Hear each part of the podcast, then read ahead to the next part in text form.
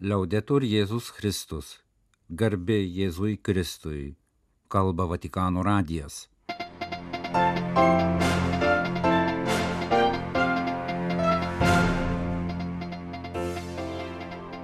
Malonūs klausytojai, šioje šeštadienio rugsėjo 30-osios programoje popiežius vadovavo naujų kardinolų skirimo konsistorijai ir ekumeniniai maldos vigilijai. 26-ojo eilinio sekmadienio liturgijos Evangelija ir homilija.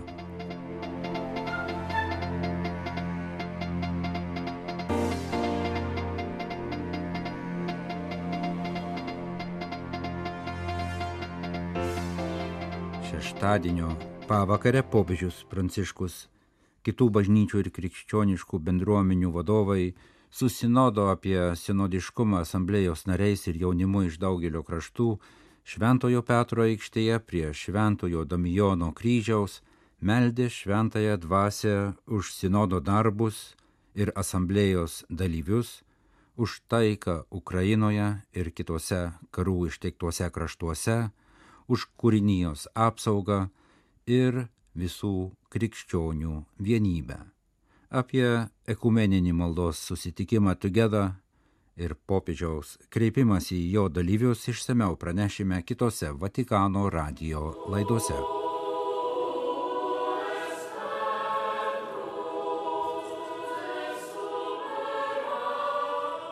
Kardinolų kolegija pašaukta liudyti bažnyčios simfoniškumą ir sinodiškumą kaip simfoninis orkestras, pažymėjo popiežius Pranciškus kardinolų skirimo konsistorijoje šeštadienį rugsėjo 30 dieną.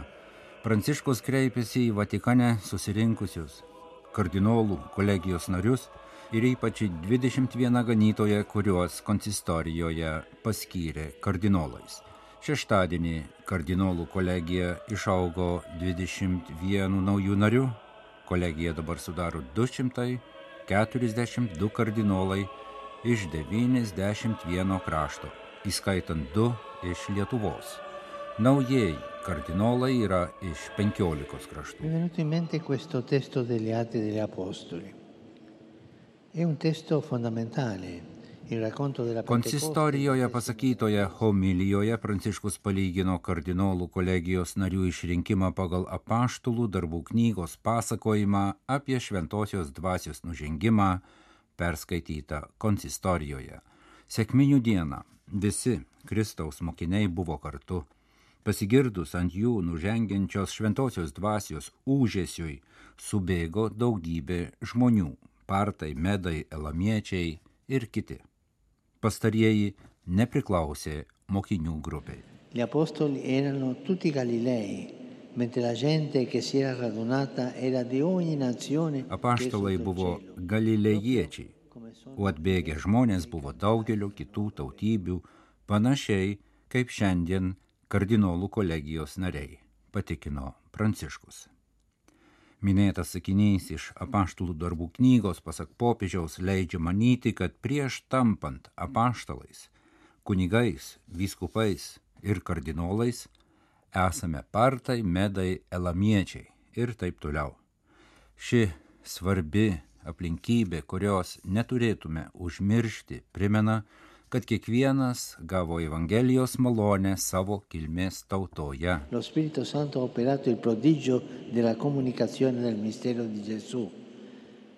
Šventoji dvasia perdavė Jėzaus Kristaus mirties ir prisikėlimo slėpinį, veikdama tautų istorijoje, mūsų nacionalinėmis kalbomis, tarmėmis, mūsų senelių ir tėvų lūpomis per kateketus kunigus vienuolius.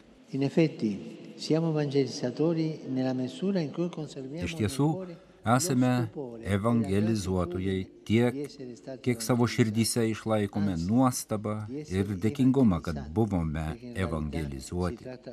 Dar daugiau būti evangelizuojamais, nes tai nuolat aktuali malonė, kurią turim visą laiką atnaujinti. Evangelizzatori evangelizzati e non funzionari. Evangelizuojami evangelizuotojai, bet ne funkcionieriai, pridūrė popiežius. Il collegio cardinalizio è chiamato a somigliare a un'orchestra sinfonica che rappresenta la sinfonicità e la sinodalità della Chiesa. Pranciškus pažymėjo, kad kardinolų kolegija pašaukta būti tarsi simfoninis orkestras, liudijantis bažnyčios simfoniškumą ir sinodiškumą. La diversità è necessario e indispensabile. Ma ogni suono deve concorrere al disegno comune. Skirtingumų reikia, jie būtini, tačiau kiekvienas balsas turi dalyvauti bendrame projekte, todėl įsiklausimas į kitą yra pamatinis dalykas. Kiekvienas muzikantas turi klausytis kitų, orkestro dirigentas tarnauja simfoninio atlikimo stebuklui. Jis turi klausytis labiau už visus kitus, padėti kiekvienam orkestro atlikėjui ir visam orkestrui pasiekti kūrybinės ištikimybės maksimumą. Cari fratelli e sorelle, ci fa bene rispecchiare nell'immagine dell'orchestra per imparare sempre meglio ad essere chiesa. Matykime save orkestro įvaizdyje, kad vis geriau išmoktume, kaip būti simfoninę ir sinodinę bažnyčią paragino popiežius, kviesdamas ypač kardinolų kolegiją atspindėti simfoniškumą su godžiančiu pasitikėjimu, baigė popiežius, kad mūsų mokytoja yra šventoji dvasia. Mokytoja kiekvieno viduje ir ėjimo kartu mokytoja. Ji kuria įvairovę ir vienybę. Ji pati yra darna. Popiežiaus vadovautoje konsistorijoje dalyvavo oficialios valstybinės delegacijos iš 13 kraštų, ortodoksų ir kitų bažnyčių ir krikščioniškų bendruomenių vadovai, įskaitant Jeruzalės graikų ortodoksų patriarchą Teofilių III, kurį popiežius Pranciškus penktadienį priėmė audiencijoje. Dar prieš konsistoriją šeštadienio rytą popiežius audiencijose priėmė visuotinį patriarchą Baltramiejų I, anglikonų primą Justiną Welby ir Antiochijos sirų ortodoksų patriarchą Ignacą Afremą II. Kardinolų kolegija po šeštadienio rugsėjo 30 dienos konsistorijos. Išaugo 21 naujų narių, iš kurių 18 yra galimi konklavos dalyviai.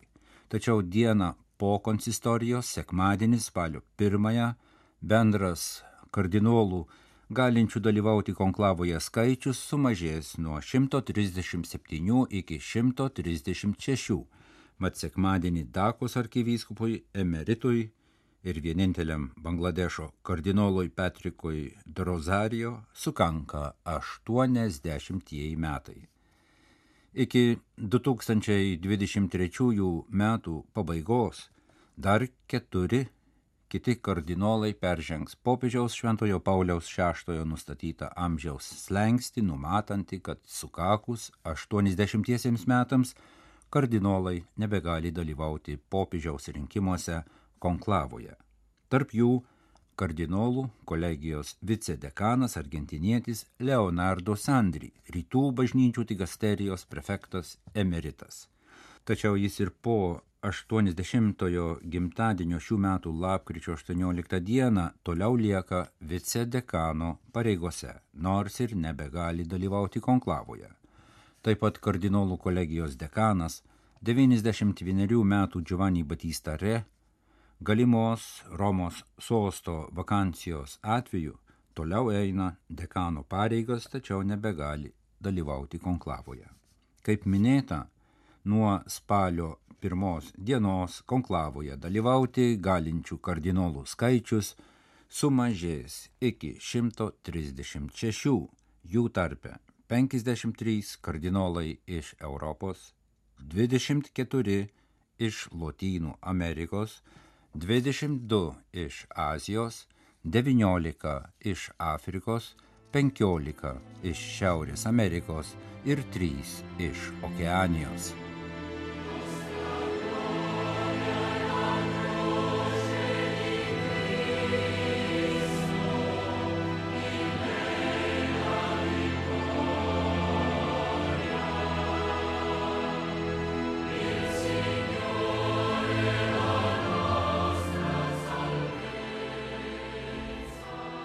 26 eilinio sekmadienio mišių Evangelija pagal Matą. Jėzus bylojo aukštiesiems kunigams ir tautos seniūnams, kaip jūs manote. Vienas žmogus turėjo du sūnus. Kartą jis kreipėsi į pirmąjį, sakydamas, vaikė, eik ir padirbėk šiandien vynogynę. Šis atsakė, nenoriu, bet vėliau apsigalvojo ir nuėjo dirbti.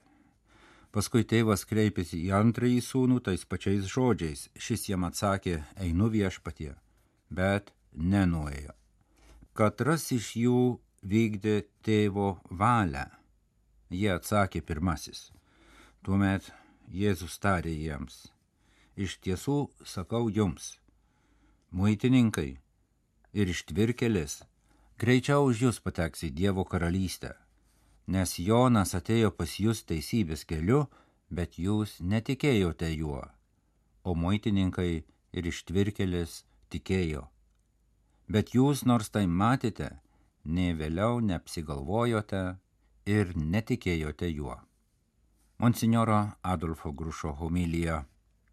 Praėjusį sekmadienį mišių Evangelijoje gal kiek ir nustebino vynogyno šeimininko elgesys, kuris atrodo prasilenkė su teisingumu. Galbūt ir mes, kaip tremtiniai į Babiloniją, į kurios prabyla pranašas Ezekielis pirmajame šio sekmadienio mišių skaitinyje, taip pat kartais norėtume pasakyti, kad viešpats ne visuomet teisingai elgesi su mumis. Esame linkę priekaištauti Dievui, manydami, kad mums tenka kentėti už savo tėvų ir protėvių kaltes. Mes vadovaujamės žmonių logika. Tuo tarpu pranašas savo tėvynainėms ir mums siūlo priimti kitokią Dievo logiką. Iš tiesų tai yra neišvengiama. Jei iš tikrųjų norime būti Kristaus sekėjais, reikia vis iš naujo suvokti, kokiu būdu autentiškiausiai išreiškiame savo tikėjimą Tai daryti mus įpareigoja ir šio sekmadienio Evangelija, kurioje aiškiai parodoma, kad Jėzus netgi labiau negu atvirą nuodėmę atmeta elgesį paplitusi anų ir šių laikų pamaldžiųjų tarpe - veidmainystę. Jėzus nekarta kalba apie vynogyną, jo darbininkus ir šeimininką. Šis įvaizdis buvo labai artimas Palestinos žmonėms, kurie gyveno šalia vynogynų, patys juose darbavosi ir jais rūpinosi. Tai buvo turtas per kartas perdodama nuosavybė ir nenuostabu, kad tarp vynogyno šeimininko ir vynogyno egzistavo labai stiprus ryšys. Neveltui šventajame rašte netgi Dievo ir žmonių santykiai prilyginami vynuogynui. O Dievo kvietimas darbuotis jo vynuogynę liudija nepaprastą Dievo artumą mums. Vienas sūnus iškart atsiliepia į tėvo kvietimą, tačiau iš tiesų į vynuogyną dirbti nenueina. Palyginimas nekalba apie tai, kad jis būtų pakeitęs nuomonę, susitikęs draugą ar turėjęs kitų aktualesnių darbų. Ne, šis sūnus paprasčiausiai nuo pat pradžios neturėjo jokio noro eiti dirbti. Jo elgesys ir ištartas einu yra grinai išorinis, niekaip nesusijęs su vidiniu nusiteikimu. Tėvo prašymas nesukelia jam nepatogumų, nes jis to prašymo iš tiesų net nelaiko svarbiu. Jo elgesys panašus į mūsų religingumą, kuris pernelik dažnai skirtas išoriai, demonstravimui, apieigoms be atsivertimo. Žinoma, Dievas permato mūsų širdis, tačiau kartais nuostaba kelia mūsų tikėjimą turinčios liudyti šventės, kur kas panašesnės į prietaringumo demonstravimą, o ne atsivertimą. Kaip tik todėl šiandien bažnyčia ir primena mums, kad Dievas nepriima apsimestinio pamaldumo ir netikrumo. Jėzus sako, kad Dievui priimtinesnis tas brolis, kuris pradžioje atsisako priimti pasiūlymą, tačiau vėliau apsigalvojęs nueina dirbti. Nekarta tenka susidurti su ištarimu ne, kuris savyje slepia asmeninės problemas, troškimą išsiaiškinti situaciją, norą kalbėtis ir būti suprastam. Tikriausiai kiekvienas kunigas yra sutikęs žmonių, vadinančių save ateistais, sakančių ne Dievui, bet kalbantis su jais, klausantis jų abejonių, pasirodydavo, kad tas ne reiškia ką kitą. Ar nepagalvojame, kad kartais tai yra ne sakomas viešai matomam apsimestiniam kai kurių krikščionių tikėjimui, jų elgesiui, nesuderinamam su išpažįstamomis tiesomis. Ar nesusimastume, kad jie tarė ne nesuprantamam, žmonėmis nesidominčiam Dievui, nes nemato, kad tuo gyvena tikintieji? Ar netrodo, kad jie tarė ne bažnyčiai, kuri pamiršo gailestingumą? Tuo tarpu pamatę kitokį Dievo veidą, bent kai kurie iš jų gal ir visiškai netikėtai savąjį ne, pakeičia absoliučių taip, priversdami stebėtis mus jau nuo seno esančius šalia viešpaties. Bent jau taip mes galvojame apie save. Gal todėl palyginimo pabaiga mums yra netikėta. Jėzus sako, kad maitininkai ir ištvirkelis į Dievo karalystę pateks aplenkdami tuos, kurie save laiko teisėjais.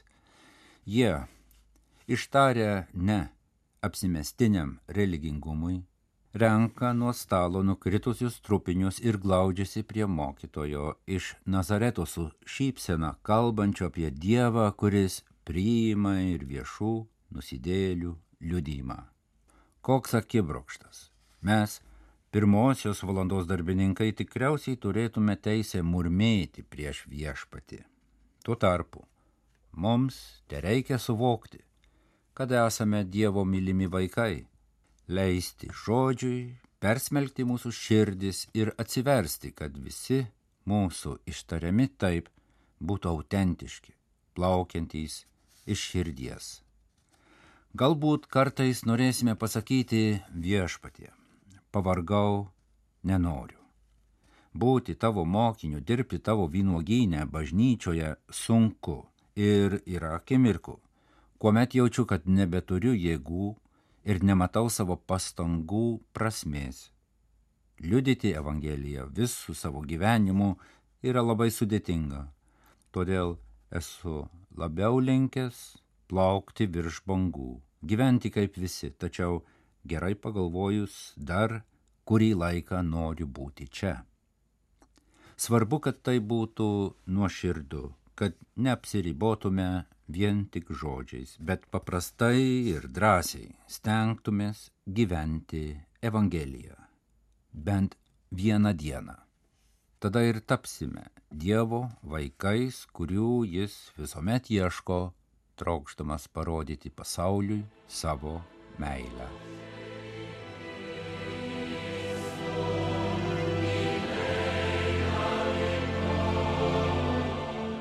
kalba Vatikano radijas, laidą lietuvių kalba baigėme. Gerbė Jėzui Kristui. Liaudetur Jėzus Kristus.